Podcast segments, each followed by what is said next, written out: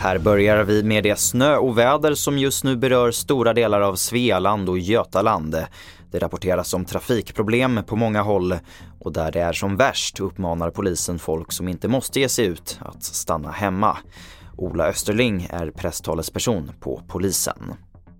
Vi har ju haft eh, väldigt många trafikolyckor och vi har även då haft en del trafikolyckor som har blockerat eh, för plogbilar och eh, vi har en del lastbilsolyckor då på fortfarande som vi hanterar både i Hallunda med tung lastbil med släp och eh, i Vårbybackarna i nordlig riktning.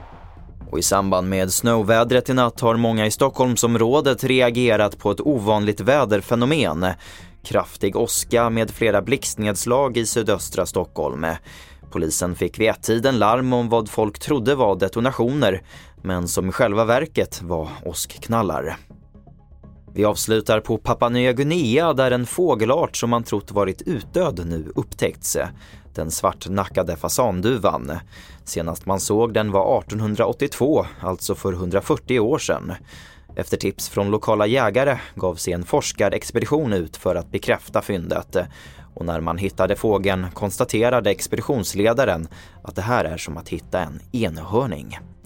Och det får sätta punkt för TV4-nyheterna. Jag heter Albert Hjalmers.